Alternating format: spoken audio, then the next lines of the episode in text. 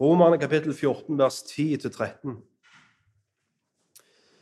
Tittelen for dagens tale er 'Kristi domstol'. Kristi domstol. Og Jeg vil begynne med å lese teksten. Romerne 14, 10-13. Men hvorfor dømmer du din bror, eller hvorfor viser du forakt for din bror? For vi skal alle stilles fram for Kristi domstol. For det står skrevet, så sant jeg lever, sier Herren, for meg skal hver kne bøye seg, og hver tunge skal bekjenne for Gud. Framfor Gud skal da enhver av oss avlegge regnskap for seg selv.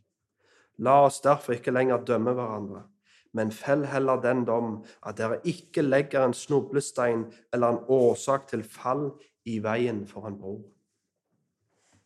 Så langt Herrens ord. Det er to viktige sannheter vi skal få lov å se fra teksten vi fører oss i dag. Og Den første er hva skjer når ting blir satt i rett perspektiv? Hva skjer når ting blir satt i rett perspektiv? Og den siste er hvordan bør vi leve i lyset av dette perspektivet?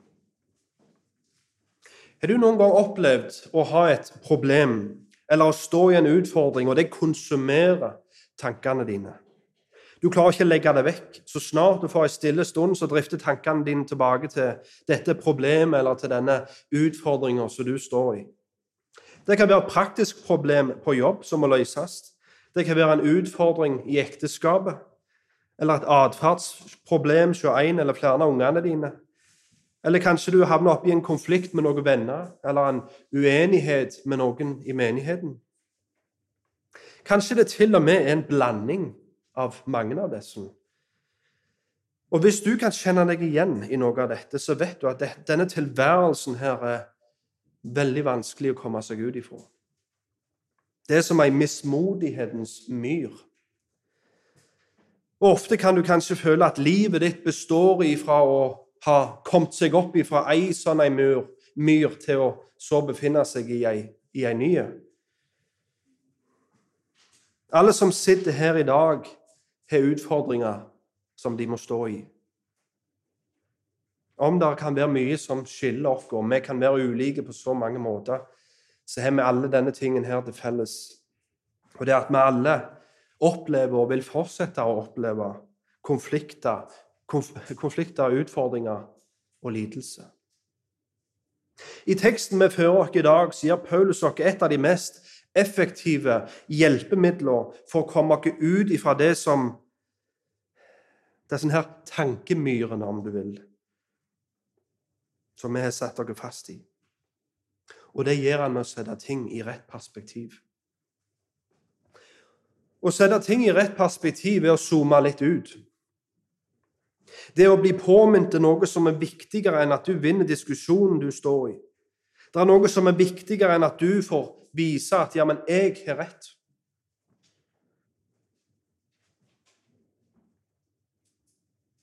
Når ting blir satt i rett perspektiv, så blir plutselig problemer som konsumerer tankene dine, veldig små.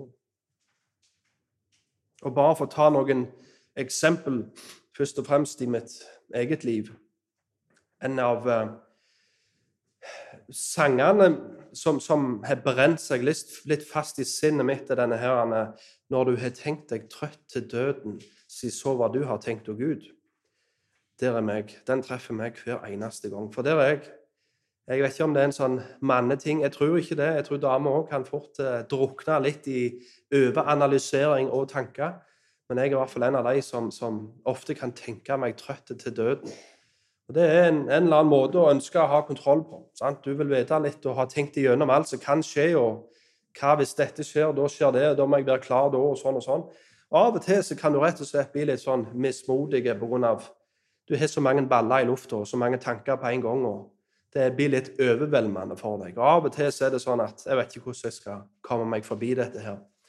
Og En dag så satt meg og Ragnhild hjemme og tenkte ok, vi får prøve å sette alle det her tankeverket på, på vent, og så ser vi et dokumentar eller et eller annet. Bare for, å se, på noen andre som har det litt bedre enn meg. vi satte, på, satte på denne dokumentaren på Viaplay, Elon Musk. Fas, fascinerende mann. Eh, en tre timers dokumentar med tre episoder. Eh, og det begynte med disse her eh, rakettene hans. Sant? Han har jo dette her SpaceX, som det heter. Og Jeg var ikke kjent med den historien, i hvert fall ikke i detaljer hva som hadde skjedd. Han begynte med å bruke alle sparepengene sine på å bygge en rakett. Skjøt den opp i lufta, og den sa pang. Og så var det på han igjen. Han ga seg ikke. Lagde en ny rakett, skjøt den opp i lufta, og den sa pang, den òg. Han ga seg fortsatt ikke. Bygde enda en til. Og tredje gang, da skjøt han den opp i lufta, og da sa det pang. Men fjerde gang, for han ga seg ikke igjen. Er det med? Og så, det her er bare et eksempel. Og så gikk de gjennom sant? hvordan Teslaen ble utvikla, og alle disse andre prosjekter han står i, all motgangen han har hatt, og hvor ofte det feila, og hvor ofte det gikk galt, og hvor mange millionervis av penger som gikk i vasken her. Og, og så satt jeg og følte meg litt dum etterpå. Altså, Her, her er det en mann. Han er ikke Den hellige ånd. sant? Han bekjenner seg ikke til kongenes konge. Han er ikke himmelens og jordens skaper på sitt lag. Det er jeg. Mens hvordan, klarer han å bare ha dette pågangsmotet? Hvordan klarer han å bare stå i dette her, mens jeg, som er himmelens og jordens skaper, som har tatt bolig i mitt hjerte, jeg, jeg blir mismodig så snart jeg finner ut av en person som ikke liker meg. Så snart jeg får ei ekstra regning som jeg ikke hadde tatt med i budsjettet mitt. Så når jeg fikk satt ting litt i perspektiv, så gjorde det til at mine problemer plutselig falma litt, og jeg følte meg litt dum. Når jeg fikk zoomt ut litt og se at oi, det er faktisk folk som har verre problemer enn meg, og de takler det veldig mye bedre enn det jeg gjør, så kanskje dette her burde få meg til å tenke meg om to ganger. Kanskje dette her burde få meg til å lære meg å sette ting litt i perspektiv. Og For å ta et annet eksempel ehm, I forkant av første verdenskrig så var tallene på de som eh, gikk til psykolog eller hadde psykisk terapi i Vest-Europa skyhøye. Mer eller mindre alle gikk til psykolog. Det var liksom normalen. Ikke så veldig ulikt fra sånn vi har det i dag. Men på starten av første verdenskrig så Interessant nok så ja, når, når første verdenskrig starta, så interessant nok så ble plutselig alle disse helbreda. Og alle disse psykologene ble arbeidsledige. Når kulene fyker og bombene regner, så er det løye hvordan mange av de problemer du hadde før, bare plutselig forsvinner. Men hvorfor gjør de det? Jo, for når ting blir satt i perspektiv Når ting blir satt i perspektiv, så begynner du å forstå at enkelte ting er viktigere enn andre. Av og til kan det hjelpe deg veldig å innse at det finnes større problemer enn de, en, enn de problemer du befinner deg i. Du kan på mange måter sammenligne det med det som kalles for en kontrollert eksplosjon.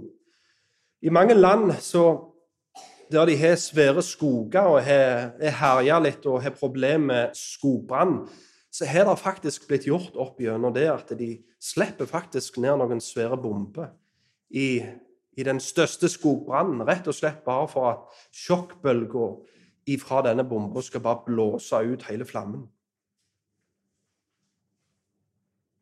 Det er sånn ei bombe Paulus slipper i teksten vi fører oss i dag. Du kan på mange måter Eller For at de konfliktene som ulmer og brenner i menigheten og i ditt liv og tanker, skal bli slått ut, så slipper Paulus her ei bombe som skal hjelpe deg å sette ting litt i rett perspektiv og som forhåpentligvis vil hjelpe deg til å se at enkelte ting er viktigere enn andre. Men før vi går der, så vil jeg bare repetere litt ifra hva vi har sett tidligere.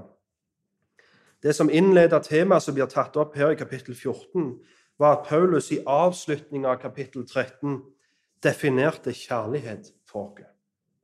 Og kjærlighet så vi at er definert av Guds lov. Å følge Guds lov og nei, å elske sin neste, det er å Nei, å elske generelt, det er å følge Guds lov. Og Guds lov kan oppsummeres med 'elsk den neste som deg sjøl', og 'elsk Herren din Gud'. Og Elsker du Gud, så tilber du Han alene. Elsker du Gud, så holder du Hans navn hellig. Elsker du det neste, så stjeler du ikke fra Elsker du det neste, så lyger du ikke til ham. og så videre. Når Gud kaller dere til å elske deres neste, så har han ikke latt det være opp til dere sjøl å definere hvordan det skal se ut. Men det har han sagt til dere og vist dere i sin lov. Men et naturlig spørsmål som da kan dukke opp, er ja, men hvordan skal vi kunne elske hverandre i gråsonen? Hvordan skal vi klare å elske hverandre i de tilfellene der Gud i sitt ord ikke kom med et spesifikt eksempel, eller han, han ikke spesifikt adressert akkurat det som jeg står i? Hvordan ser det da ut å elske sin neste? Og Det Paulus da gjør, er å ta opp noen konkrete eksempel på sånne gråsonedilemmaer. Og Han viser hvordan en med sterk tro skal elske den svake, og hvordan en med svak tro skal elske den sterke. Den sterke må ikke forakte eller se ned på den svake, og den svake må ikke sette seg til doms over den sterke. For dere er begge tjenere av den samme Herre. Og dere tilhører den samme Herre. Hvis du dømmer din bror fordi han et eller fordi han drikker, eller i tilfelle der din bror vil holde én dag høyere enn en annen, så er det et opprør mot Gud. For da har du tatt Guds plass som dommer. Og da elsker du verken Gud eller din neste. Men Paulus vet at dette er lettere sagt enn gjort. Og alle dere som er foreldre her, dere vet det at hvis det dukket opp en eh, krangel mellom ungene deres, så må det av og til litt mer til enn at dere sier 'slutt å krangle'. Nå må dere slutte. Det er som regel ikke før en tar steget videre og forteller hva konsekvensene blir hvis en ikke gir seg, at de klarer å ordne opp med hverandre. Og Det er litt det samme Paulus er i ferd med å gjøre i teksten vår her i dag. Han går nå videre for å sette ting i perspektiv, i håp om at de små tingene vi ofte kan ha en tendens til å krangle over, kan bli lagt vekk. Så la oss se på det første verset nå, vers 10. Men hvorfor dømmer du din bror, eller hvorfor viser du forakt for din bror? For vi skal alle stilles fram for Kristi domstol. Som andre ord, Paulus adresserer tendensen vi kristne har til å forakte og dømme hverandre med å si Si dere er så opptatt med å dømme hverandre, så vil jeg dere skal ta med denne dommen med i regnestykket deres, og se da om regnestykket blir annerledes. Er det dømme dere vil gjøre? Ja, ja, men da skal jeg fortelle dere om en dom. Vi skal alle stilles fram for Kristi domstol. Du vil være en dommer? Ja, men da skal jeg fortelle deg om en dommer. Og for at vi ikke skal tro at dette bare er Paulus' skremselspropaganda, og dette er en lærer som har sitt opphav hos han alene, så går han videre og siterer fra oss siterer for oss en av profetene i Gammeltestamentet, Jesaja. Og Der leser vi i vers 11.: For det står skrevet, så sant jeg lever, sier Herren, for meg skal hvert kne bøye seg, og hver tunge skal bekjenne framfor Gud. Og Ut ifra denne profetien så konkluderer Paulus med at framfor Gud skal da enhver av oss avlegge regnskap for seg selv. Når han sier 'vi skal alle framfor Kristi domstol', og enhver av oss skal avlegge regnskap for seg selv, så er det først og fremst oss kristne han her han snakker til. Som vi kan lese i 1. Peter 4, 17. Dommen skal begynne med Guds hus. Eller i Hebreerne 10,30.: Herren skal dømme sitt folk. Tidligere i Romerne så har vi fått høre at derfor er det da ingen fordømmelse for den som er i Kristus Jesus. Med andre ord i Kristus så har vi ingen fordømmelse i vente. På dommens dag så vil vi ikke bli dømt til fortapelsen. For straffen for vår synd er betalt på korset. Straffen for vår synd betalte han for med sitt liv opp på korset. Men hvorfor snakker Paulus da her om at alle kristne skal framfor Kristi domstol? Er ikke prisen betalt? Kan vi bli dømt? Hva kan vi bli dømt for hvis vi allerede får tilgivelse for vår synd? I Bibelen så får vi beskrevet forskjellige domstoler. Vi har Matteus 25, f.eks., denne kjente scenen med sauene som blir skilt fra geitene, som er et bilde på de truende og de vantru, som på dommens dag vil bli skilt i to grupper. Vi har òg denne kjente scenen i Åpenbaringen 20 med den store, hvite trone, der himmel og jord og dyr og alt flykter, og der så han, så han en stor, hvit trone og både de døde og de levende sto framfor han og ble dømt etter alt som var skrevet i bøkene. Men vi òg det som vi har fått sett i teksten vår i dag, som kalles for Kristi domstol. Og Det blir nevnt flere ganger i Bibelen, bl.a. 2. Korinterne 5.10. 2. Korinterne 5.10. Og Der leser vi For vi skal alle framfor Kristi domstol, for at enhver skal få igjen de ting som er gjort ved legemet, enten etter det han har gjort, enten godt eller vondt. Hva slags dom er det dette er? I Hebreerne 9,27 så kan vi lese at det er bestemt for mennesket én dag å dø, og deretter dom. Og det er òg sant for oss kristne. Men vi kommer ikke til å bli dømt i lag med verden. Vi kommer ikke til å bli dømt på samme måte som de vantro. Vi som har satt deres tillit til Jesus og som tilhører Han, vi skal fram for Kristi domstol. Og der er ikke spørsmål om vi skal få komme til himmelen eller ei. Men der skal du få igjen for det du har gjort på jord, enten godt eller vondt. Kristi domstol blir av mange som er litt mer kompetente i gresken enn meg, kalt for Kristi lønningsplatå. Kommer fra dette greske ordet bema, som beskriver et, en lønningsplatå. Um, og dette konseptet ville vært veldig kjent for mange av de kristne i Rom og i Lille Asia. Et lønningsplatå var ofte forbundet med den plassen idrettsutøverne ble invitert til å stå på etter at kampen var over eller løpet var ferdig. Og De ble invitert for å stå der for å motta seierskransen eller premien for innsatsen. Og Det er dette Paulus vil at vi kristne skal forstå. Det er ikke ubetydelig hvordan vi springer dette løpet. I denne kampen vi står i, så er det spilleregler. Og Når en dag kampen er over, så vil vår Herre og Mester evaluere innsatsen vår. Og vi vil få igjen for det vi har gjort.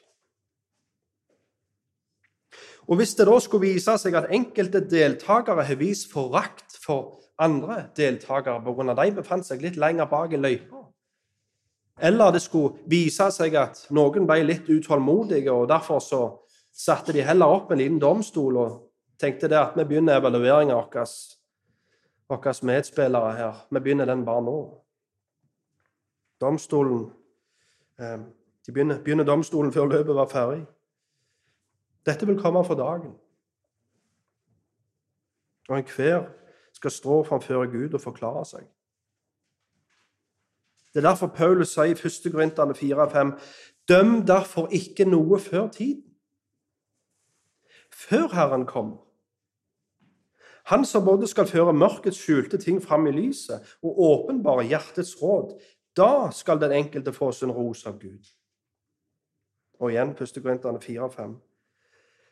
Det kan være lett for oss kristne å tenke når vi ser umoralen som blir vist på TV, ugudeligheten som vokser i politikken og ellers i landet vårt, og når vi tenker på mye av den løgnen som blir lært til unger på skolen i dag, det kan være lett å tenke at hadde de bare visst at en dag så skal de stå framfor Gud og avlegge regnskap. Da hadde ting sett annerledes ut. Det det er lett for oss å tenke det.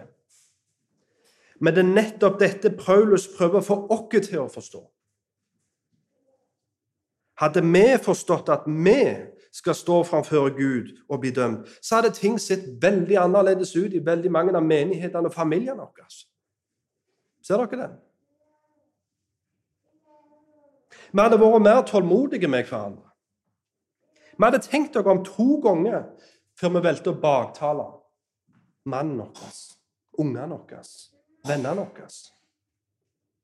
Eller denne, dette paret i menigheten som er litt annerledes. De gjør ikke sånn som resten av oss.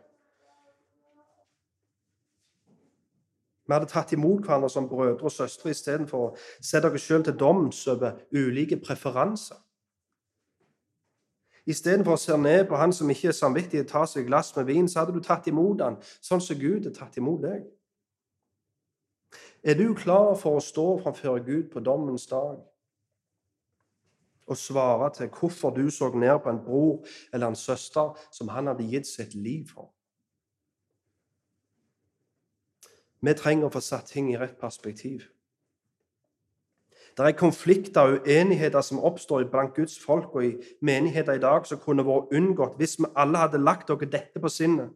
At en dag så skal vi alle stå framfor Kristi domstol. Og da skal vi måtte svare til det vi sa, og det vi gjorde. Hvert unyttig ord. Det som ble gjort i det skjulte, det skal komme fram. Det som du gjorde og tenkte ingen andre ser dette, det skal komme for dagen. De tankene du hadde om den ene personen der i menigheten eller på det familieselskapet, det skal fram. Alt. Dere husker kanskje når Peter var ute og hadde fiska hele natta. Peter, apostelen Peter. Han hadde ikke fått noen ting. Men så kommer Jesus om bord, og han ber han hive garnet ut enda en gang. Han gjør som Jesus sier. Han hiver ut garnet, og garnet blir så fullt med fisk at båten holder på å synke. Hva var Peters respons? Jo, Jesus, gå vekk ifra meg, for jeg er en syndig mann. Hvorfor sa han det? Jo, for ting ble plutselig satt i rett perspektiv. Hans største problem fram til den dagen der, det var det at det er ikke nok fisk. Jeg får ikke tak i fisk. Men når han da hadde fått så mye fisk at båten holdt på å synke, så innså han oi, fisk var aldri mitt største problem. Jeg har et enda større problem, og det er det at jeg vet ikke om jeg er min sak i orden med han som bor i båten min. Er du med?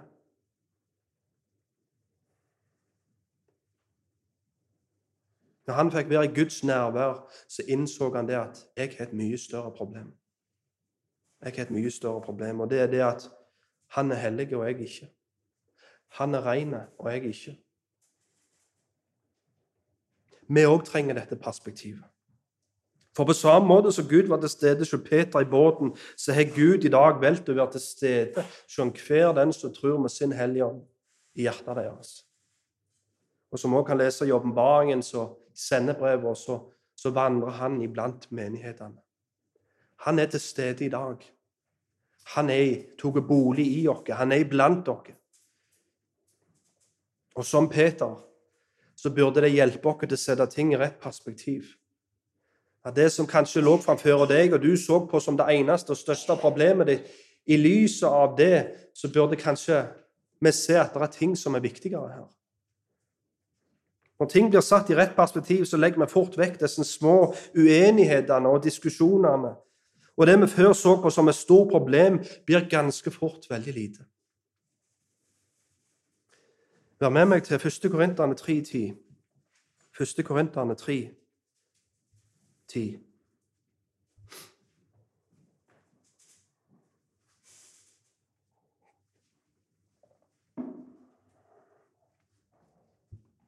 Og jeg leser Etter den Guds nåde som ble gitt meg, har jeg lagt en grunnvoll som en vis byggmester, og en annen bygger på den. Men hver enkelt må se til, se etter hvordan han bygger videre på den. For ingen kan legge noen annen grunnvoll enn den som er lagt, det er Jesus Kristus. Men om noen bygger på denne grunnvollen med gull, sølv, kostelige, kostelige steiner, tre, høy eller halm, skal det enkeltes arbeid bli åpenbart, for dagen skal vise det. For den skal bli åpenbart med ild, og ilden skal prøve den enkeltes arbeid og finne ut hvilken kvalitet det er av. Hvis det verk han har bygd opp, blir stående, skal han få lønn. Men hvis hans verk brenner opp, skal han lide tap. Men selv skal han bli frelst, men da som gjennom ild. Igjen, her er det ikke snakk om himmel eller helvete, ser dere. For grunnvollen har blitt lagt i livet til hver den som tror på Jesus, og den grunnvollen den kan ikke rokkes. Men jeg er redd at det er veldig mange på dommens dag som kun vil sitte igjen med en grunnvoll. For resten av det de hadde bygd, det brant opp. Alle de timene de hadde lagt ned, alt det de hadde jobb for, det var høy, det var halm, og det var ting som ikke sto seg i dommen. Ja, du vil bestå på grunn av at du hadde grunnvollen, men alt det du jobbet for, kan være brenne opp.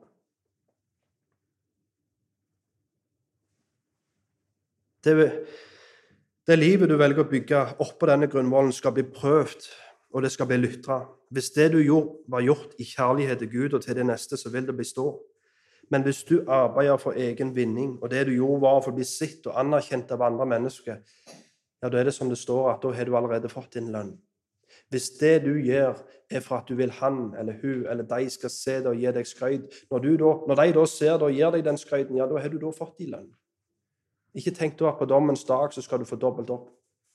Hvis du arbeider for å bli anerkjent av mennesket, når du da blir anerkjent av mennesket, så er det din lønn.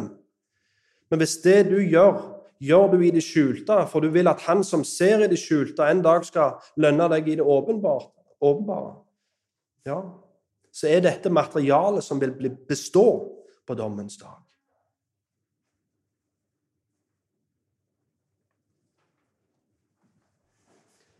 Punkt to. Hvordan bør vi da leve i lys av dette nye perspektivet, eller dette rette perspektivet? Vi har jo allerede sett litt på hvordan vi bør leve i lys av at vi en dag skal framfor Kristi domstol. Men når vi nå kommer til vers 13, det siste verset vi skal se på i dag, så kommer Paulus med et konkret eksempel.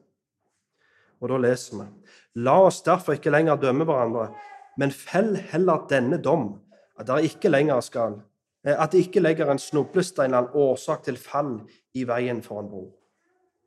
Hvis dere hørte veldig godt etter på det han sa her, så kan det synelatende se ut som han motsier seg sjøl. For først så sier han 'så derfor døm ikke'. Men så, så sier han 'men fell heller denne dom'. Ser dere det? Det er som om han sier 'ikke døm, men heller døm'. Det er ingen motsetning her. I det første tilfellet så formaner han dere på ny til å ikke se dere selv til doms over ulike meninger og preferanser som ikke er av en moralsk eller umoralsk natur. Men skal du dømme, så døm heller dette, eller bestem deg heller for dette. At du ikke skal være en årsak til at din bror går imot samvittigheten sin, eller at du får han til å handle på ditt ord istedenfor å gå i tro. Skal du felle dom, ja, så gi deg sjøl denne dommen. At du ikke skal være en årsak til at din bror eller din søster synder. Og som dere sikkert vet, så kunne det blitt gitt veldig mange eksempler her. Og jeg har skrevet ned noe, men jeg syns alltid det, det, er litt skummelt å ta for mange eksempler, for da blir det fort til at eh, Hva skal du si? at, at, vi sitter igjen med kun de eksemplene og klarer ikke helt å se det i andre områder i vårt liv. Men en, en, en ting som jeg hadde tenkt litt på, det er dette her med baktalelse, f.eks.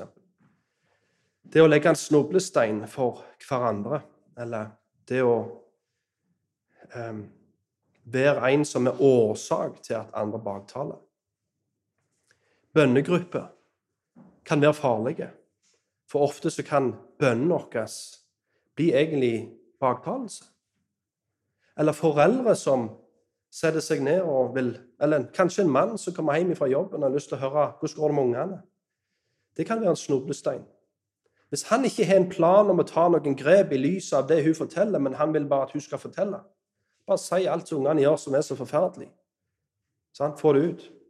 Hvis han ikke har en plan om å ta tak i dette som han får høre, men han vil bare huske å få si det, så har han lagt en snublestein for kona der. For du, her, nå vil jeg komme hjem, og nå vil jeg at du skal baktale ungene våre, uten at vi har en spesifikk plan om å konfrontere dem på det. Ser dere den? Eller at det, det er lenge siden du sitter ei venninne, du kommer på besøk henne, og du spør hvordan går det med mannen. Jo, så ser hun på det som en anledning. Ja, kanskje, jeg kan jo ikke Vi er jo sant, bor i Norge, janteloven. Jeg kan jo ikke si at det går så veldig godt, så jeg må jo legge vekt på alle utfordringene jeg har med mannen min.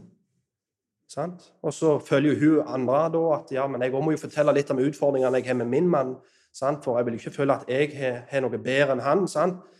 Og så Det de egentlig gjør, det er å legge begge to hopper ned i den samme grøfta, og så sier de ja, nei, uff, uff, ja, nei, er ikke, du er ikke god, jeg er ikke god, vi er ikke gode, vi får ikke til. Sant? Så sprer vi mismodighetens ånd iblant hverandre istedenfor å oppmuntre hverandre, istedenfor å bygge hverandre opp. Du legger snublestein her, her legger jeg en stein, dette over den. Oi, takk. Og så legger du en ny stein, nå kan du dette over den. Sant? Jeg baktaler litt, og nå kan du få lov å baktale litt, og så baktaler vi om en annen. Ser dere den? Det er veldig mye som er vel meint i den kristne forsamlinga, som egentlig i realiteten er den at vi legger en hel haug med snublesteiner for hverandre. Og jeg tror baktalelse er en av de tingene. For det er så kamuflert. sant? Det, det er så kamuflert inn i noe velmeinende ting. sant? Jeg vil jo bare spørre, jeg er jo oppriktig bare interessert i hvordan det går i heimen din. Jeg, jeg, vil jo bare vise at jeg bryr meg. Og Derfor så spør jeg og spør jeg hvordan det går med mannen din. Og så har jeg bare lyst til å vite medfølelse. sant vel? Jeg vil vise medfølelse. Så når du forteller om at mannen han jobber hele dagen, han holder på, han er ikke hjemme, det er så travelt, og jeg står her og sånn og sånn Men vokt dere. Vokt dere. Sant? Du har jo bare lyst til å være et lyttende øre. Ja, men vokt deg, så ikke du blir medskyldig i baktalelse. Hvis du ser at nå begynner dette her å drifte inn i Nå føler jeg at jeg har faktisk hjulpet deg litt til å sette mannen din i et dårlig lys. Eller motsatt. Nå har jeg hjulpet deg mannen, til å sette kona di i et dårlig lys. Ikke hiv deg med på det. Sant? Og hvis du innser det, så bare stopp opp med en gang. Du vet jeg har til meg. Jeg følte nå at nå begynte vi en, en vei her der, der, plutselig det ble greit å snakke vondt om mennene våre. Eller motsatt. Nå følte jeg at nå begynte vi plutselig å snakke ned om damene våre. uten med noe mål om at vi skulle konfrontere dem. Vi ville bare liksom lesse ut om hvor, hun trenger å jobbe med dette. Og... Altså Poenget er vi må vokte oss her. Når, når, vi snakker om dette, sant? Romerne 14 her, og vi snakker om ikke legge en snublestein i veien for våre brødre og søstre Av og til så kan det bli litt så svevende her oppe for oss at vi tenker ja, lurer på hva som kommer i kapittel 15 for det her. Til vi er ferdige med dette. Men hvis vi forstår hvor aktuelt dette her er, hvis dere forstår at dette Paulus snakker om her, det er noe som vi må ta bevisste valg på for å ikke falle i hver dag Hver dag må vi det. Sant? Det er så lett å baktale ungene våre. Liksom, Vi tenker at der er det et frikort. Hvem er det der, Som foreldre, hvor er det der oftest er mest utfordringer? Jo, det er sånn her ustyrlige som jeg går med hver dag mange ganger. sant? Det, det, det letteste lettest å dem. Men det å fortelle om utfordringer og problemer som det er i ungene sine liv, uten et mål om å ta tak i det, uten et mål om å konfrontere, uten et mål om å komme framfor Gud og be om hjelp om dette her, men jeg vil bare blåse ut hvor fælt, hvor, hvor, hvor ustyrlig Det er baktalelse. Vokt dere for det.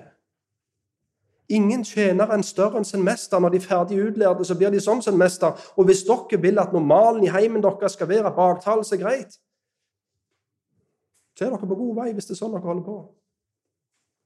Så vokt dere. Vokt dere for hvordan dere menn snakker om kona deres til andre menn eller på arbeidsplassen. Vokt dere koner på hvordan dere snakker om mennene deres når dere treffes med alle venninnene. Og hvis du befinner deg i en kultur der i denne gjengen her så er det greit at alle rullerer på å snakke dritt om mennene sine, kom deg ut ifra den der gjengen fort. Det er et skikkelig dårlig miljø. Hvis det å baktale unger og mannfolk og sin egen mann blir kamuflert i at ja, ja, men vi skal jo be for det Ja. Vi kan ikke pakke synd inn i en hellighetsgrud. Ser dere den? Sant? Så her må vi være på vakt. Disse snublesteinene er overalt. Og uten du vet det, så kan det være at det er du som legger de ut for dine brødre og søstre. Sant?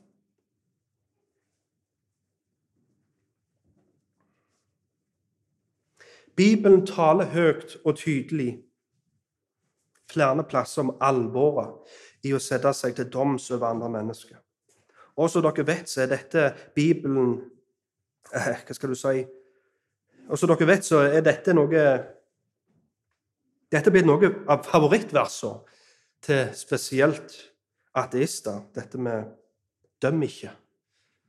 Sant? Matteus 7,1.: Døm ikke for at du sjøl ikke skal bli dømt. Det er liksom dette verset de fleste ateister kan utenat. Det er i hvert fall mitt, min erfaring. Men det er ikke bare blitt favorittverset deres, men òg for mange kristne. Og I mange menigheter i kristne fellesskap i dag så blir vers som dette brukt for å rettferdiggjøre at en ikke konfronterer de som lever i synd i forsamlingen. Og er det rett? Er det det Paulus har lært dere så langt i Romane 14? Nei. Når Paulus i Romane 14 sier at vi ikke skal dømme hverandre, så har han gjort det veldig klart i hva tilfelle han da snakker om. Eksempler han er gitt, til våre tilfeller der uenighetene er over ting som verken er moralske eller umoralske ut ifra Guds ord. Det er det som kan kalles for audiafra, altså ikke-essensielle ting. Jeg forventer ikke at folk som er fiender av budskapet i denne boka, skal ta seg tid til å bla opp de her døm ikke-versene og lese det i sin sammenheng.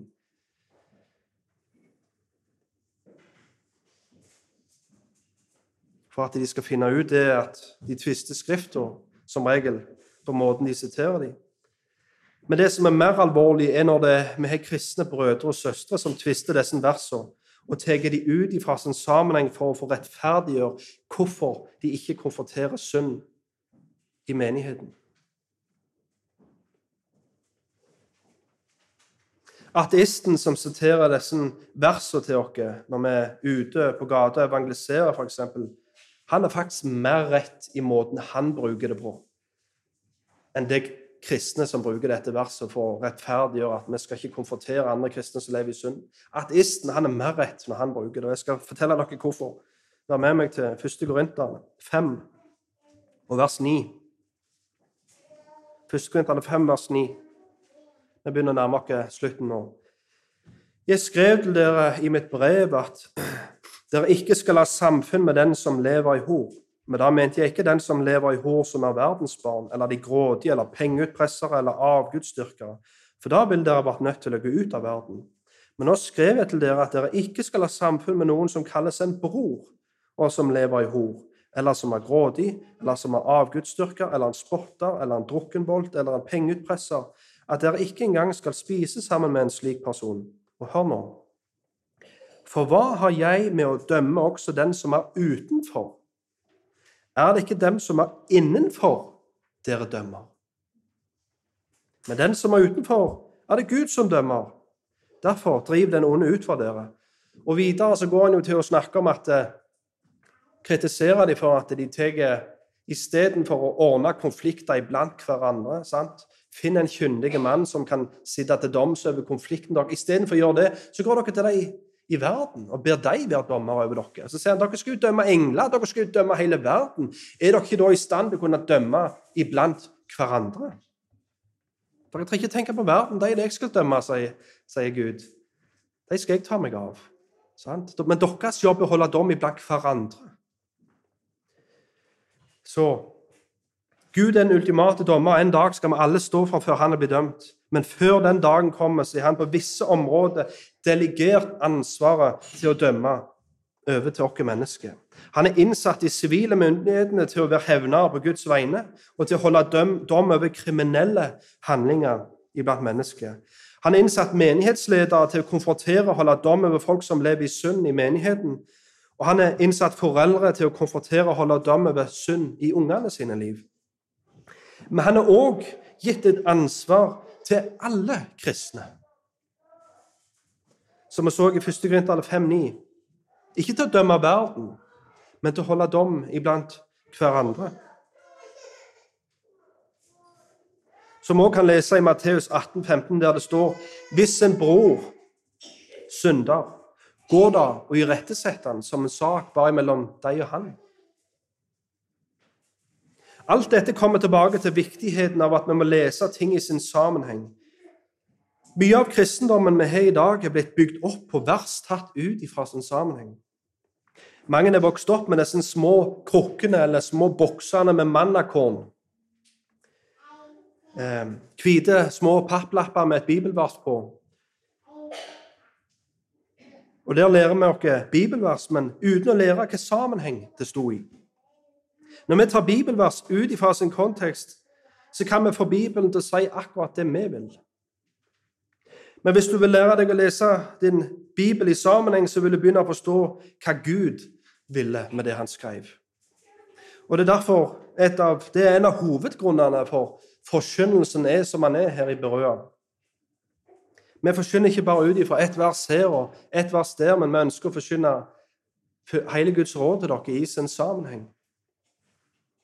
Og Alt det sier jeg bare for, å igjen minne dere på at disse tekstene som handler om å dømme ikke, de må leses i sin sammenheng. De må leses i sin sammenheng. Det jeg håper du sitter igjen med i dag, er at vi trenger et rett perspektiv. I dag har Paulus satt ting i perspektiv for oss med å minne oss på at vi alle skal en dag stå framfor Kristi domstol. Og Der skal vi måtte svare for det vi har sagt og gjort mens vi levde livet vårt her nede. Og i lyset av det fell dom og konfronter der Gud har gitt deg retten, og i de tilfellene han har befalt deg. Men ikke lenger døm hverandre i de eh, ikke-essensielle sakene som Bibelen verken kaller moralske eller umoralske, men bestem deg heller for, eller gi deg sjøl den dommen, at du ikke skal være en snublestein for din bror eller søster, eller en årsak til at de faller i synd. Amen.